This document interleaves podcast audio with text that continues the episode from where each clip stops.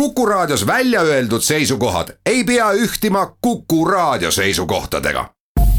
Te kuulate Kuku Raadiot.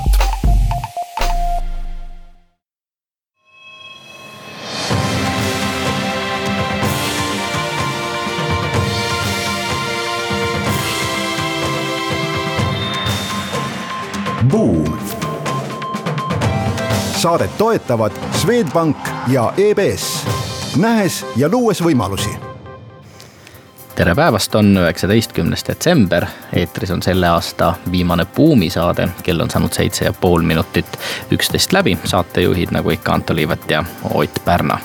alustame uudisteplokki täna aruteluga selle üle, mida oodata Airbnb-lt, kes on nüüd erise, erinevalt oma algsest lubadusest avanud uksed ka traditsioonilistele majutusasutustele edasi räägime ettevõtete mainest ja et kas see aitab küsida ka kõrgemat hinda räägime ka ühest Ameerika Ühendriikides äh, edukalt investorite raha kaasanud äh, startup ettevõttest The Mom Project, mille eesmärgiks on aidata väikelastega kodus olnud vanemad tagasi tööturule. ja uudisteploki lõpetuseks räägime loovatest juhtidest, ehk siis mida võtta ette juhtidega, kellel on kogu aeg mingid uued ideed ja teie juurde nendega tulevad, et kas tõepoolest kõik tuleb ellu viia meie tänane saatekülaline on Orange Time'i loovjuht äh, ning asutaja Hardi Kinnas. uurime, millised on põnevamad arengud äh, ürituste korraldamise valdkonnas ning räägime ka sellest, kuhu selle valdkonna ettevõtted võiksid edasi suunduda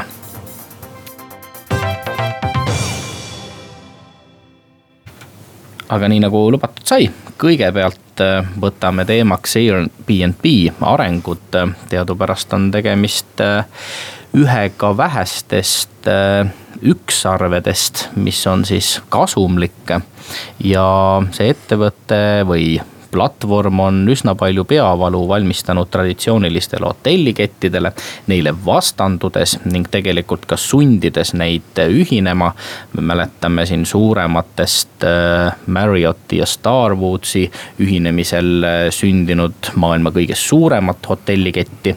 ja tihtipeale räägitakse ka sellest, et tegelikult on just Airbnb kõige suurem hotellikett. olles küll tükk aega püüdnud oma keskkonnast traditsioonilisi majandus, majutusasutusi eemal hoida. aga nüüd siis tundub, et üha rohkem äh, püütakse pakkuda ka hotellidele võimalust ennast selles keskkonnas äh, reklaamida. kuidas tundub, kas äh, Airbnb on oma algse lubaduse klientidele reetnud ja võib see kuidagi neile ohtlikuks saada? no mul on tunne, et siin on käik käib jutt ikkagi sellise või võitlus käib sellise platvormi või platvormide platvormi staatuse pärast, et noh, ütleme sellised hotelli booking'u saidid, booking.com ja teised sellised Hollandi taustaga booking, eks. Ehm, liiguvad üha rohkem sinna nii-öelda rendi apartment'ide suunas. ehk siis nad lähevad tegelikult seda nagu hotelli majutusest välja, lähevad sinnapoole, kus Airbnb täna tegutseb. nüüd küsimus on see, kas Airbnb läheb teisele poole nii-öelda ärikliendi ja üldse hotelli poole vastu. minu meelest suur küsimus, noh küsimus ei ole selles, kas ta sinna läheb, muidugi läheb. hetkel ta pakub küll ainult butiikhotelle teatud riikides. näiteks Eestis sa ikka Radisson Blue'd ei leia mitte kuidagi sealt ülesse täna. aga nad selgelt sinna lähevad, küsimus minu poole pealt on see, et kas nad lähevad sinna, et ehitades see hotelli poole enda selle lehe sisse või nad ostavad tegelikult ära mõne suure hotelli book imise keti või veebisaidi. no üsna lõbus on see väärtusõigustus, ähm, mida Airbnb juhid hotellidega koostöö selgitamiseks välja käinud on. loeme inimeste arvamusi, tundub, et neile meeldib ka hotellides ööbida, järelikult me peame seda oma keskkonnas pakkuma Airbnb-ga on minu arust juhtunud see, et äh, nad on selles valdkonnas kehtestanud uue standardi ja, ja see on nüüd hotelliketid ka tööle pannud. ja veidral kombel äh, tegelikult hotellid hakkavad nüüd aplikeeruma Airbnb-sse, sellepärast et nad, kas nad vastavad sellele standardile või mitte ehk siis, kui sa oled igav hotellikett äh,, sa ei suuda konkureerida nende kodumajutustega näiteks. Sul tegelikult tõenäoliselt ka selle Airbnb platvormil väga hästi ei lähe no ega siin pole päiksel mitte midagi uut, kui me vaatame need taksoäpi firmad, eks. no kaua läks aega, et Taxify hakkas tegelikult tavalist taksot sõitma, on ju, ei lähe, läinud väga kaua, nad saavad aru, et kus see tänane klient tegelikult istub.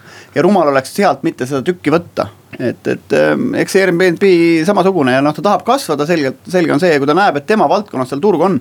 aga mis on võib-olla huvitav, et kes Airbnb-d nagu teab no ta tõeb, et ta on põhiliselt selline noh, koht, kus endale kodumajutust leida, eks. vähem teavad inimesed seda, et selle kaudu on võimalik kõikvõimalikke seiklusi endale otsida. et tal on selgelt, Homes'i kõrval on experiences sektsioon, kus on kõikvõimalikke valdkondi, sa võid igasugusele koolitustele minna, igasuguseid matku. sa võid ka sellise sotsiaalse impact'iga asju osta, näiteks Amsterdamis on võimalik kahekümne viie euro eest prügi koristada kanalites eks see kakskümmend viis eurot tuleb näo kohta maksta siis kahetunnise prügiretke eest, kui te saate siis paadiga mööda kanaleid sõita ja seal väikse võrgukesega mm, siis prügi välja tõsta või plasti välja tõsta. ehk siis, et ta tegelikult ähm, noh, püüab minna ka sinna, mida inimene ümber oma selle majutuse teeb no laiemalt võib-olla ongi ambitsioon hoopis muutuda selliseks kaasaegseks äh, reisibürooks, on nad ju ähm, koostööd Äh, tegemas Retsi nimelise restoranikohtade broneerimise lahendusega ja neil Airbnb Experience'is jah, pakubki igasuguseid äh, reisielamusi juba ka, nii et pikas plaanis on võimalik selle tuumtoote külge liita mis iganes reisimise, rändamisega no, seotud küsimus on see, millal nad lähevad nagu lennupiletitesse, lastminute.com või midagi sellist, millal nad lähevad tegelikult taksondusse sinnasamma, kus on, sest et neil on klient käes nüüd on küsimus, et millised klient, teenused see klient veel tahab ja, ja kas ta saab neid Airbnb-st või ta läheb kuhugile mujale neid otsima et küsimus on see, et kust hakkab selle, ärkad hommikul üles, et mille peale sa kõigepealt mõtled, on ju, majutuse peale, siis lähed Airbnb kaudu uksest sisse ja tarbid kõiki teenuseid. mõtled takso kaudu, siis see takso mõtleb samamoodi, et milliseid teenuseid sulle juurde pakkuda, eks, et mida sa oma päeva jooksul teed. et noh, ma räägin, nad tahavad kõik selleks platvormide platvormiks saada ja, ja, ja mängides just selle peale, et nende käes on klient, et siis siis on ka raha nende käes. Hardi, kuidas sulle tundub, kas äh, klient elik lõpptarbija võiks äh, sellest võita, et Booking, Airbnb, teised omavahel konkureerivad, noh näiteks äh, hotellidele pakuvad nad praegu paistab, et paremat diili kui Booking koorides seal võib-olla suurusjärgus viis protsenti Bookingu kahekümne viie protsendi asemel siis sellest nii-öelda majutuse letihinnast no tegelikult juba kõik pooled ongi võitnud sellest äh, liikumisest, et kui ennem, äh, kui me vaatame ka seda äri, kuhu MySpotit äh, liigub tegelikult koosolekud on Airbnb ka seal kohal, just nagu reisivale nii-öelda koosoleku tarbijale ja samamoodi mitte esimese asjana hotelli, vaid äh, just nendesse, ka nendesse kodudesse või sihukest teistmoodi kohtadesse. no miks ta võtab hotellide puhul väiksema kati kui eramajade puhul või nende korterite puhul on esmalt on see, et hotell on rohkem valmis ennast rentima. ehk siis ta on tegelikult kliendi pool on välja arendatud juba. erinevalt majutusasutuses või nendes korterites, kus sa pead tegelema nende kindlustamiste ja kõikide asjadega. teiseks on see, et hotellide puhul on see äh, turustandardid välja kujunenud eks kõik need teised, needsamad booking.com'id ja need võtavad katte ja nad ei võta keegi sealt kahtekümmet viite protsenti. seetõttu neil ei olnud ka valikut minna oma selle kahekümne viie protsendise nõudlusega. just ilmselt, mida see näitab ka see, et neil tegelikult ei ole ikka nii suurt turujõudu, et minna öelda, et tead, et aga meie võtame kakskümmend viis prossa teie nagu sellest hotelliööst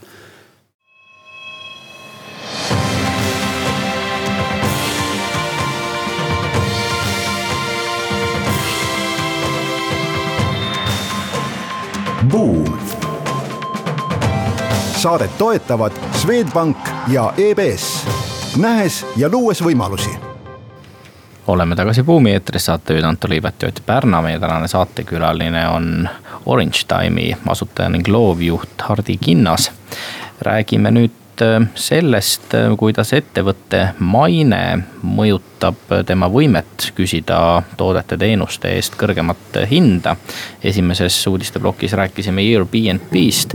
ka see ettevõte pöörab üha rohkem äh, tähelepanu sellele, mida temast arvatakse ning räägitakse. rihivad nad ju ka börsile minekut ning küllap selles valguses on oluline teha kõik, mis võimalik selleks, et olla ka laiemalt äh, heas kirjas. igal juhul on äh, Sydney Tehnoloogiaülikooli teadlased andnud meile teada sellest, et äh, reputatsioon võimaldab küsida kuni üheksa protsenti kõrgemat marginaali, uurides siis televiisoritootjaid, ennekõike Sony, Panasonic, Toshiba. ja eriti hästi tuleb äh, see kasumi marginaali suurendamise võime välja siis, kui äh, ettevõtted tulevad turule mingisuguse toote paranduse või arendusega, uue funktsionaalsusega, siis või võivad või saavad nad küsida tarbijate käest selle uue lahenduse eest kõrgemat hinda kui need ettevõtted, kelle reputatsioon nii hea ei ole? No minu meelest esimene küsimus on see, et kas see reputatsioon, kas ta mitte ei tähenda natuke ka seda, et, et ettevõtte brändimaine üleüldiselt, et kas sa oled nagu premium bränd või mitte, et need kolm tootjat, kes sa rääkisid, Panasonic, Toshiba ja ja Sony, noh Sony tundub neist kõige rohkem premium bränd olema, kes võiks oma brändi eest rohkem küsida. Et miks maksab nagu mingi, no ma ei tea, nagu Audi rohkem kui samasuguse, samasuguse varustusega Kiia, puhtalt brändi väärtus. see noh, tehnoloogia tase on, ma ei tea, võimsusnäitajad, asjad on suhteliselt sarnased, et. et mul on tunne jah, et, et me ei tohi siin sassi ajada selle brändi üleüldse nagu ja, ja noh, tuntud brändid. Nad ongi ennast positsioneerinud sinna nagu premium klassi minu meelest, mis on nagu teine teema, on üldse selline nagu laiem teema, mis mul võib-olla see aasta on ka nagu silma hakanud, on üldse sellised, sellised kahepalgelised ettevõtted. et kes nagu lubavad ühte ja teevad natuke teist, on ju, et, et ma soovitaksin inimestel rohkem neid asju nagu läbi näha, noh minu meelest täna hommikune uudis, et. et Kessi rõivapood on ju, on kasutanud geoblokeeringut selleks, et Ida-Euroopas oma, oma hilpe ja riideid siis nagu kallimalt müüa et, et võiks Saksamaalt ostes nii-öelda see teksapüks neti kaudu maksab nagu vähem, kui et siis Eestist ostes. ja transpordikulu on eraldi teema, eks noh, teine teema, meie enda A Le Kokk, eks ole, kes kogu aeg räägib siin, et, et õlu on liiga kallis, on ju, andke andeks, A Le Kokk on Olvi Grupi eh, tütarettevõte. Olvi Grupp on eh, Skandinaavia sugemetega ettevõte, eks ja me teame alkoholikultuuri või seda hinda ja kogu sellist noh, tervisekäitumist Skandinaavias, ehk siis asi, mida evib Olvi Soomes kas me oleme siis banaanivabariik, et me võime siin nagu noh, niisama rahvale nagu õlut jagada ja, ja, ja noh. ühesõnaga, et, et, et selline topeltstandardid suurte brändide juures mulle väga ei meeldi, samas nad räägivad corporate social responsibility, kõik see teema. ja noh, täna hommikune käisin mina siis Olerexist läbi on ju, vaatan, et sporditopsiga toetad Eesti noori maadlejaid. osta sporditops ehk siis jutt on kohvitopsi ostmisest kahe koma ühe euroga. nii, tavaline kohvitops maksab kaks eurot. nüüd, kui ma ostan kahe koma ühega, ma maksan siis kümme senti maadlejatele, väga tore iseenesest. aga kallis Olerex, et maksa ise ka siis kümme senti nagu, nagu maadlejatele on ju et, et, et ära ole nii kahepalgeline, et pane siis ise ka natuke kõrvale, kui sa juba ütled, et me teeme siin sellist heategevuslikku kampaaniat. Harri, kas äh, pikaajaline turul tegutsemine, hea maine, kõik need kuldmunad, mida Orange Time'iga kogunud olete, on kuidagi võimaldanud ka küsida paremat hinda? inimestel on omane tegelikult äh, istuda vähemalt nad tahaks istuda alati võitjate lauas. ja võitja, selle laua definitsioon, ma arvan, et ajas on natuke muutunud. Äh, eelkõige praegusel, tänasel päeval, kasvõi selle Olerexi näite pealt või on seesama läbipaistvus või see nagu lubaduste pidamine. et pikk, kindlasti ka nagu pikaajalises startup maailmas käib see nagu kiiremini. aga üldises plaanis, kas sa ühiskonnas näiteks äh, oled aktiivne, kas sa kajastad päriselt mingisuguseid väärtusi, seisad nende eest ja nii töötajad kui kliendid sellega kokku puutuvad, siis minu arust sealt nagu tekib see nagu võitjate laud tänasel päeval. Et see nagu silmaklappidega ei jookse lihtsalt oma kasumi nimel no see on see, mida tegelikult Airbnb on tegelikult toonud majutusse, et me saame rate ida neid asju sealsamas, oli ikka korras, ega ma leidsin selle tee sinna maju, majani üles ja nii edasi. noh, ma olen Inglismaal läinud hotelli, kus ma nagu õhtul sealtsamast lauast book isin endale ruumi, läksin tuppa, no voodit ei olnud toas, eks. Läksin alla reception'isse, ütlesin, tead, vabandage, teil pole voodit, on ju, no mis asja ei ole, eks. Läksin mingi tuppa, mingi töömees oli selle sealt ära vedanud, on ju, et. Et ehk siis, et, et sellised nagu platvormid, tagasiside platvormid on ajanud seda turgu nagu õiglasemaks ja me tegelikult suure tõenäosusega ikkagi saame seda toodet, mis me meile nagu tegelikult välja reklaamitakse tehnoloogiaettevõtetelt eeldatakse mingisuguse ühiskondliku missiooni olemasolu ehk vastust küsimusele, kuidas meie maailma parandame. ja seda tüüpi ettevõtted äh, isegi väga varajases faasis on võrdlemisi populaarsed ka investorite jaoks. üks selline näide on siis Chicago juurtega The Mom Project millel õnnestus esimeses rahastamisringis äh, kaasata kaheksa miljonit dollarit investorite raha. ning ettevõtte eesmärgiks on äh, aidata ennekõike väikelastega kodus olnud emad tagasi tööturule jah, no seda võib mitmest otsast nagu otsima hakata või, või et, et kas ikka need nii-öelda kodus olevad emad on teistsugune sihtgrupp, nad räägivad tegelikult sellisest nagu knowledge worker itest ehk siis tegelikult nutikad naised. kes on nagu haritud, professionaalset tööd tegevad naised, kes on siis mingi aja lapsega kodus ja väide, et nende tööturule tagasitulek on nagu raskendatud. et kuivõrd sa, ühesõnaga sa võid ennast positsioneerida küll turunduslikus mõttes sellistele emadele, sellest asjast ma saan täiesti aru.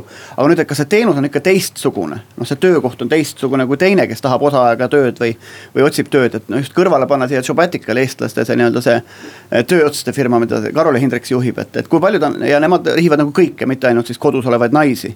Et, et kui palju need ärimudelid ikkagi erinevad. Ja ma vaatan ka siin nagu, et üksteist miljonit on see ettevõte raha tõstnud. Neil on seitsekümmend viis tuhat registreeritud ema ja, ja siis tuhat ettevõtet kes siis oma noh, sellist töövõimalusi seal siis nagu nagu, nagu välja pakuvad, et suhteliselt samas suurusjärgus ma pakun, kus see Karoli, see Jobatical täna. ja, ja no me näeme ka tegelikult, kui te tahate keegi rikkaks saada, siis saate aru, et kui teil on seitsekümmend viis tuhat registreeritud kasu, kasutajat ja, ja, ja mingid tuhat ettevõtet partnerit, siis teie väärtus võiks olla seal ütleme kakskümmend miljonit dollarit, eks.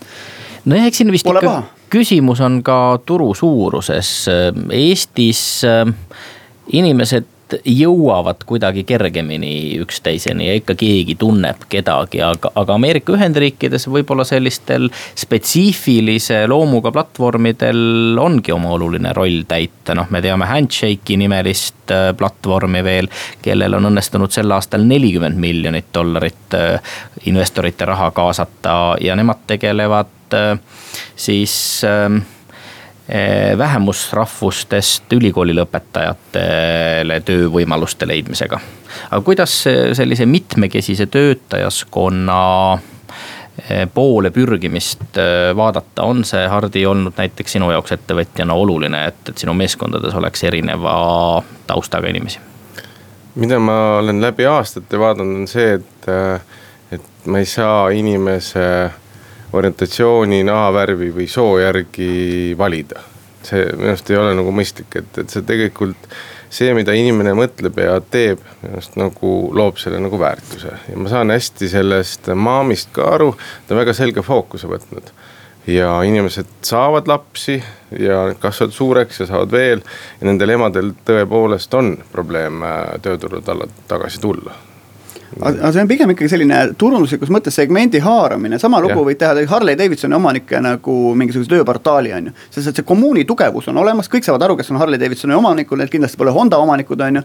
et, et ja et see on neile ja ehk see, see sihtgrupp tahab olla seal kohas, kus on, ma ei tea, perekool, eks ole, noh. ütleme, siin on teda kritiseeritud igaste nagu blogide osas, eks ole, aga sama koht, eks kõik inimesed, ma ei tea, kellel on väike laps, sinna perekoolis nad oma mingisuguseid kampsuneid omavahel nagu müüvad, eks. küllap see on ettevõtete jaoks ka ikkagi teatud ähm, tööandja turunduse koht, kui me vaatame Procter and Gamble, äh, British Petroleum, teised äh, suured ettevõtted, AT&T, kes kõik seal Maam project'is kaasa löövad.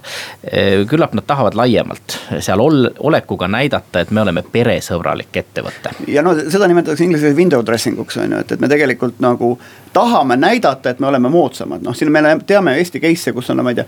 ma ei tea, kas see päris nii oli, aga põhimõtteliselt nii-öelda move guides on ju, kuhu, kellele müüdi teleport maha, on ju. Ja move guides ostis teleporti tegelikult ennem seda, kui ta tõstis kapitali. ehk siis tal oli soov näidata, et ma pole lihtsalt mingisugune kolimifirma, vaid ma olen tehnoloogiafirma. ja siis on sul see mingisugune memme-musi seal portfellis on ju. mille väärtust keegi täpselt ei oska hinnata, aga tundub, et on kõvad tegijad võrreldes teistega. kuulame nüüd ära päevauudised ning seejärel jätkame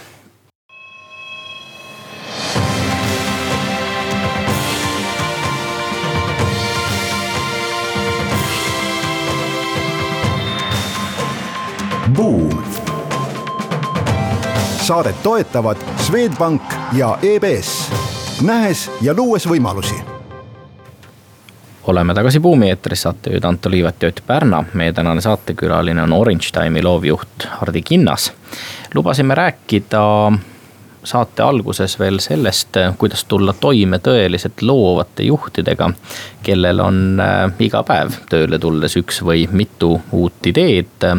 Elizabeth Grace Saunders kirjutab Harvard Business Review's äh, sellest ka ühe artikli jupi, et äh, seda tüüpi juhid on küll toredad, nendega on vahva, nad on loovad, loomingulised ja tulevikku vaatavad. aga nendega koos on ikkagi tihtipeale keeruline toimetada, sest kui plaanid tehakse tihtipeale pikemaks ajaks ette kui üks päev, siis igal päeval uue uudisega ja mõttega väljatulemine võib inimeste töörütmi mõnevõrra häirida. Hardi, sina oled ka loovjuhi amet ametis, mida sa ise teed selleks, et äh, oma töötajaid mitte liiga tihti segadusse ajada oma uute vahvate mõtetega? esiteks uusi ideid on vaja. ja, ja kui neid tuleb liiga tihti ja need hakkavad igapäevaselt äh, firma eluolu nagu kujundama. ma olen nõus, siis on tegu probleemiga. kuidas meie unistamise ära lahendanud oleme selle on see, et me oleme tegelikult oma turul vist ainukene agentuur, kellel on tegevjuht. ehk siis ma tegelikult, mul ei ole tegevjuhi ambitsiooni ja koos tegevjuhiga äh, me siis vaatame, mida me teeme. Tema tegelikult elab kaasa minu hullustele ja, ja siis tegelikult kanaliseerib selle äh, mingisse arusaadavasse vormi. ja, ja me lepime kokku, et teatud aja me seda strateegiat ei puuduta siis me jälle käime vahepeal läbi, vaatame, kui vaja, muudame suunda.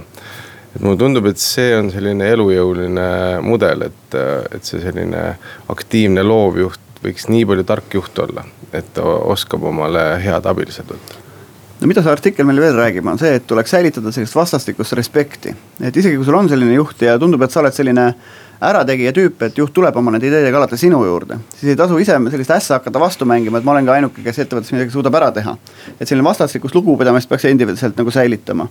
siis nad ütlevad siin seda, et, et kõik selle juhi nagu hullused ei vaja ilmtingimata kaasategemist ehk siis, et, et siin võib-olla paralleelselt tuua, et keskmine mees pidi päevas kaheksateist korda mõtlema söögi peale, kakskümmend korda seksi peale ja üksteist korda uinumise või, või puhkehetke peale, on ju. no reaalselt ta teeb neid asju kõiki päevas vähem, seetõttu ka need ideed, et kõik ideed ei peagi ellu minema aga parem on, kui neid ideid on rohkem, mis lauale visatakse, kui neid üldse ei ole. ja hullem juht on kindlasti pidur, kui, kui see, kes pigem, pigem nagu edasi tõmbab ja ainult ideedest eh, ei piisa, mida elu on näidanud, et eh, tegelikult osad ikkagi tuleb ka ellu viia, nii et. kuidas Orange Time eh, nii kaua aega on siin väikesel turul üritusi, konverentse, kliendi üritusi korraldades vastu pidanud ja, ja elujõuline olnud? no Orange Time tegelikult sündis nagu ma sulle ennem proovisin öelda ka, et äh, mitte revolutsiooni, aga evolutsiooni teel. ja, ja viisteist aastat tagasi selle lõid endised turundusjuhid. ja miks me selle lõime, oligi põhjus, et me ei leidnud turult sellist teenust, nagu meil vaja oli. ja siis me sellele turule tulime ja hakkasime sellist teenust nagu pakkuma ja, ja vastuseks sinu küsimusele, kuidas me oleme vastu pidanud, et, et tundub, et kellelgi oli veel samasugune probleem mida see turg on nüüd näidanud, on see, et tal on nagu mõnes mõttes lagi peal oma käibe osas, me oleme erinevaid trikke üritanud teha. ja, ja nii me jõudsimegi nii-öelda järgmise lahenduseni, kus sellest lokaalselt turult tegelikult nagu välja kasvada. ja, ja seesama Onistemis sündinud startup MySpotit, mis on tegelikult koosoleku korraldamise ja ruumide Airbnb ehk sisuliselt, kui ma tahan mingisuguse ürituse jaoks äh, ruumi rentida, siis sealt keskkonnast ma võiksin endale meelepärase lahenduse, mis vastab mingisugustele parameetritele leida. jah, noh probleem tegelikult on selles, et suuremad üritused saavad agentuuride tähelepanu.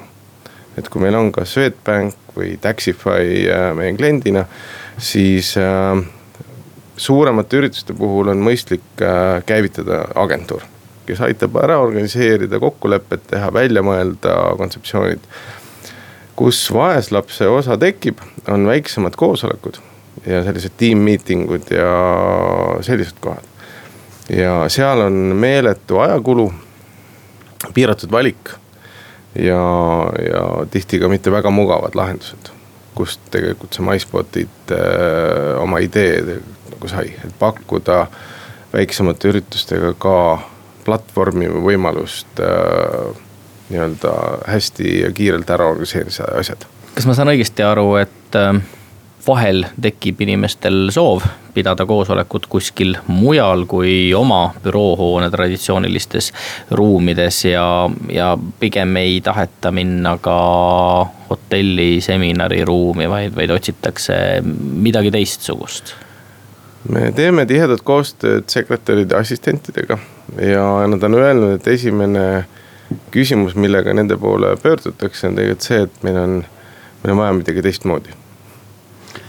Aga te ütlete, te olete siis koosolekuruumide Airbnb. Airbnb business model või ärimudel on ühelt, ta on skaleeritav, ehk siis masin mõtleb ja otsustab ja teeb, on ju. ehk siis, kui ma lähen vaatan mingit tuba, ma näen, kas on vaba või pole, ma saan ära book ida ja keegi Airbnb-st ei pea selleks nagu email'e saatma üksteisele. et teil siin see veebisse registreerimine, ma näiteks tahtsin okupatsioonide muuseumi minna, et ma peaks saatma emaili kellelegi nüüd, et uurimaks, kas see asi on vaba või mitte vaba et kaugel te olete sellest, et seda asja automatiseerida, selle asemel, et, et siis see klient peab saatma email'e? Äh, see on meie esimene MVP, see on nüüd üheksa kuud vana äh, ja viie kuu jooksul nüüd me jõuame päris mitmete uute teenustega siin platvormil äh, välja ja üks neist on ka seesama instant booking. see takerdub paljudel juhtudel ka nende kohtade taha ehk siis me peame ka teiselt poolt neid spot'e või äh, ruume motiveerima, et nad äh, meie platvormi kaudu tegelikult hakkavad lisatulu teenima, et kui sa ühe tellimuse aastas saad, siis sa tegelikult ei ole ka motiveeritud seda kalendrit nii-öelda nagu pidama sellega me aktiivselt tegeleme ja, ja mille, milleni me veel jõudsime, kui me seda kogu turgu maailmas äh, analüüsisime. on see, et sellist kataloogi pidamist on hästi palju et neid, kui äh, vaadata, siis neid on kümneid ettevõtteid, kus on palju selliseid koosoleku ja event'i ruume. Äh, mis puudub, on seesama kvaliteedi äh, tagamine, et kui päriselt klient otsustab, et ta ei lähe seekord Radissoni, aga lähebki näiteks kuhugile Kalamajas tekitatud koosolekuruumi.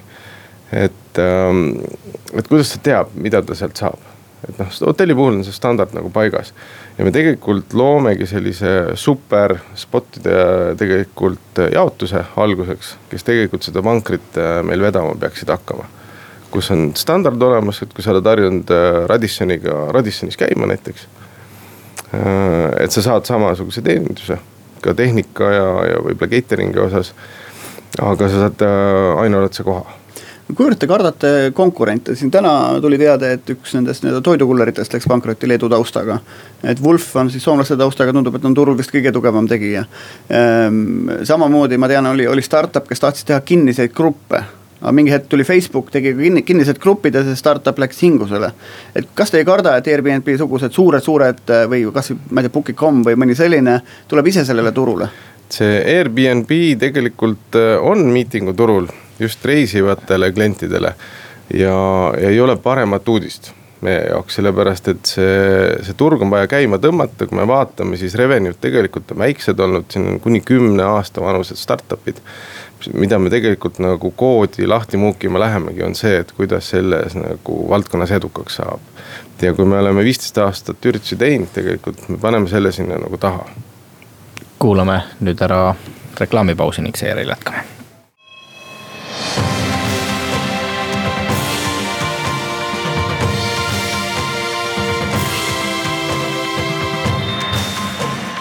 Buum. saadet toetavad Swedbank ja EBS, nähes ja luues võimalusi oleme tagasi Buumi eetris, saatejuhid Anto Liivet ja Ott Pärna. meie tänane külaline on Orange Time'i tegevjuht Hardi Kinnas. räägime üritusturundusest ja sellest, kuhu valdkonna ettevõtted edasi kiikavad. millised praegu sellised kuumemad trendid üritusturunduse valdkonnas on, küllap ettevõtted tihtipeale pöörduvad ka teie poole, ütlevad, et tahaks midagi teistmoodi. tahaks midagi uut, tahaks midagi sellist, mida meie ei ole veel teinud ja parem oleks, kui keegi teine ka ei oleks. aga saab seda soovide eh, sega pundart kuidagi üldistada, öelda, et täna võrreldes näiteks mõne aasta taguse perioodiga tahetakse pigem miskisuguseid tüüpi üritusi mm, see on vist sarnaselt nagu öeldakse, et äh, peremees ja koer lähevad nagu ühte nägu. et siis mulle tundub, et ka agentuur ja kliendid on mõnes mõttes jagavad nagu sarnaseid väärtusi. ja selles mõttes ei ole mul äh, volitust kogu toru eest rääkida, saan rääkida meie klientidest. ja, ja meie kliente tegelikult äh, ikka üsna pikka aega on äh, huvitanud ikkagi seesama küsimus, et miks. noh, miks kokku kutsuda ja mida me tahame neile inimestele nagu öelda. ja mis siin nagu vahendid on, mis aitavad kindlasti, üks, äh, mis tuli nüüd mitmed aastad tagasi, on seesama edutainment. ehk siis sa paned selle harimise ja meelelahutuse kokku, et publik äh, nii-öelda selle sõnumi vastu võtaks ja ära seediks. ja teine teema, millega me nüüd paar aastat oleme tegelenud, on seesama meeting disain. ehk siis tegelikult iga üritus, mida sa ette võtad, tegelikult jälle alustad sellest miks'ist. aga ka vaatad, mida sa saad veel teha, et nende inimeste tähelepanu püüda ja seda sõnumit kohale viia. sest ei ole ju saladus, et äh, inimesed üle, ma ei tea, mitmerealisi tekste enam ei jõua lugeda või ei loe no ajalooliselt, kui korraldati selliseid suuri kogunemisi, Jakartaid on ju, et, et seal nad tuldi ikka kahel põhjusel, ühel põhjusel, et kas siis midagi, üldiselt tuldi midagi ära otsustama et kui see otsus tegemata jääb, siis tekib küsimus, et miks me siis nagu kokku tulime, on ju. et, et ütleme selliste sündmuste puhul üks noh lollikindlamaid viise neid teha on selliseid, et, et sa teed sellist, kuhu sa ise minna tahad. et ennast sa ei peta ära et sa kutsud kohale sellise spiikrit, keda sa ise kuulata tahad. nüüd küsimus on jah, et kas sa oled ise vähemus äkki, et kõik teised mõtlevad teistmoodi. ja mida ma olen ka näinud, on see, et inimesed on, isegi kui nad tahavad väga midagi kihvti saada, nad mõistavad traditsioonilisi asju ütled talle konverents, ta saab aru, mis on konverents, ütled talle seminar, ta saab aru, mis on seminar, ütled talle inspiratsioonipäev ja ta läheb segadusse. mis värk see nüüd on, on ju. et, et kuidas, kuidas niimoodi, et, et müüa neid traditsioonilise nimega asju, mida tahta osta, tahetakse osta, aga sellise kaasaegse näoga. no üldiselt ikkagi töötab see printsiip, et asjad peavad lihtsad olema, ma olen sinuga nõus. ja, ja tegelikult äh, no inimestele meeldib ka mängida, et, et me tuleme kõik oma lapsepõlvest ja, ja samamoodi saab täiskasvanutega mängida, et, et see mäng peab lihtsalt lihtne olema ja sa pead reeglid äh, ära selgitama, aga see tegelikult ürituste korraldamine ongi ju tegelikult nagu mängu kutsumine, nendega mängimine ja siis ärasaatmine, et. kuidas kogu seda mängurlust, kui võib nii nimetada, või äh, mängimist mõjutab tehnoloogia areng, on mingisuguseid uusi lahendusi, mida kasutatakse, mis koguvad populaarsust mm.? see käib üles ja alla, see tehnoloogia selline kasutamine, et, et me vist kuus või seitse aastat tagasi Ernst and Youngi aastaettevõtja galal äh, tegime siis Baltikumi üldse siinse regiooni esimese hologrammi Mm, Nordeas või Alexelas või Nokias. ja, ja seal meil oli laval kaks Taavi Kotkat. ehk siis Taavi Kotka oma hologrammiga dialoogi pidamas. ja ma arvan, et see oli üks hea positiivne näide sellest, kuidas seda moodsat tehnoloogiat äh, selle õige vankri ette rakendada Äh, räägitakse palju äh, augmented reality'st, äh, virtual reality'st, igasugustest läbipääsusüsteemidest. Need on lähtuvalt siis sellest situatsioonist, mõnikord on mõtet neid kasutada, mõnikord mitte. ka tagasisidestamiseks mingite koodide ja kiipide kasutamine annab tegelikult päris häid tulemusi. ma siin loen ühte uuringut, kus siis räägitakse sellest, et see kogu see event marketingi osakaal tõuseb ajas kui me võtame suhtesse siis turunduseelarvetesse ja siis nad toovad välja, et business to business ehk siis ärilt ärile turundused, kakskümmend neli protsenti on sündmused. Eh, millest siis kaksteist protsenti on ise sündmuste organiseerimine ja teine kaksteist on nendel osa, osalemine. noh, sündmused me räägime siis kõikvõimalikud konverentsid, seminarid, messid äh,, igasugused company meeting ud äh,, igasugused galad, auhinnad, värgid, eks, et, et kogu see, kogu see kompott kokku on siis kakskümmend neli protsenti kogu siis business to business turundus eelarvest, mis tähendab üks neljandik ja siis see teine neljandik jaguneb huvitavalt, et näiteks kolmteist protsenti on kogu sajast protsendist on siis digital advertising ehk siis digitaalmeedia. kaksteist protsenti on content marketing või sisuturundus, kaheksa protsenti sajast protsendist läheb siis veebsaidi arendusele. kuus protsenti läheb ainult traditsioonilisele äh, turundusele ja täpselt sama palju läheb agentuuride feed ehk siis. ja, ja siis on igasugune selline otsene kliendi vastamine, ehk siis nii-öelda kliendi tagasiside mingitel veebilehtedel ja muul viisil võtab ka siis kuus protsenti nagu sellest turundusest. tavaline PR on ainult viis protsenti kogu siis sellest suurest ringist. ehk siis see üritusturundus on tõesti nagu selline oluline segment kogu ärist ärile turunduses. et see on võib-olla ka põhjus, miks me sellest siin saates räägime. Et, et isegi kui ütled, et Eestis on katus peal summade mõttes, siis me teame ju ainuüksi Euroopas käib ringi circa tuhat konverentsi aastas, kes otsivad endale kohta, kus riigis seda järgmine kord teha kas siis konverentsi või mingit suurt corporate meeting ut näiteks. sama Coca-Cola tuleb varsti Eestisse näiteks on ju. just nimelt, mida me, meie agentuur ka teeb muidugi, nii et õnneks. aga ma ei saa jätta küsimata siia meie saate lõppu, kuidas ikkagi mõõdetakse klientide poolt erinevate ürituste või sündmuste tasuvust? pikka aega on proovitud äh, seda ROI mudelit tegelikult äh, üritusturundus rakendada. aga see on nagu keeruline, isegi Onistemil on oma Event Impact Institute olemas, kus me tegelikult äh, äh, proovime või igal juhul tahame mõõta tulemust, pluss see, et me seame selle eesmärgi nagu täpsemalt paika juba, see on üks eeldus, et sa saaksid üldse mõõta ja, ja teine on äh, tagasiside ankeedid tegelikult. Äh, üks nagu sellised, mida me ukse peal mõõdame tihtilugu, pluss siis nagu tagantjärgi, mis on, aga mida on väga raske nii-öelda selle investeeringuga tegelikult äh, siduda, et, et see on üsna sihuke meelevaldne. aga seesama event impact cycle, mis meil on, annab palju-palju vastuseid juba sellele kas sa seda oskad öelda, millistes piirides eelarvega peaks ettevõte arvestama ühe sellise sündmuse korraldamisel või kui suur see variatiivsus on? ma arvan, et see, see on selline keeruline küsimus. ma oskan öelda, et see algab viie tuhandest eurost ja ulatub miljoni euroni, et, et et see vahe on täpselt see, mida sa tahad nagu saavutada. ja inimese kohta võiks see olla siis? keeruline vastata jälle et seesama Coca-Cola konverents, millele Ott nagu vihjas, et, et see on Coca-Cola Euroopa tiim tuleb siia, üle kuuesaja inimese. et me räägime kindlasti teistsugustest numbritest kui äh, mõne ettevõtte jõulupeost.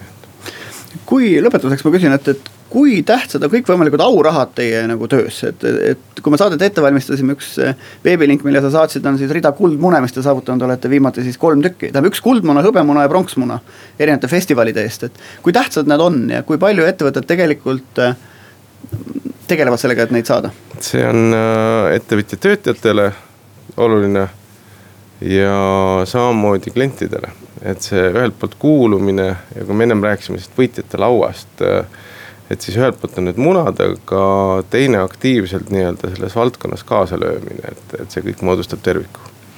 sellega on buumisaated käesolevaks aastaks ümber saanud, oleme taas eetris teisel jaanuaril, siis vaatame uude aastasse. meie külaliseks on Swedbanki peaökonomist Tõnu Mertsina. seniks aga mõnusat aasta lõppu ja kuulmiseni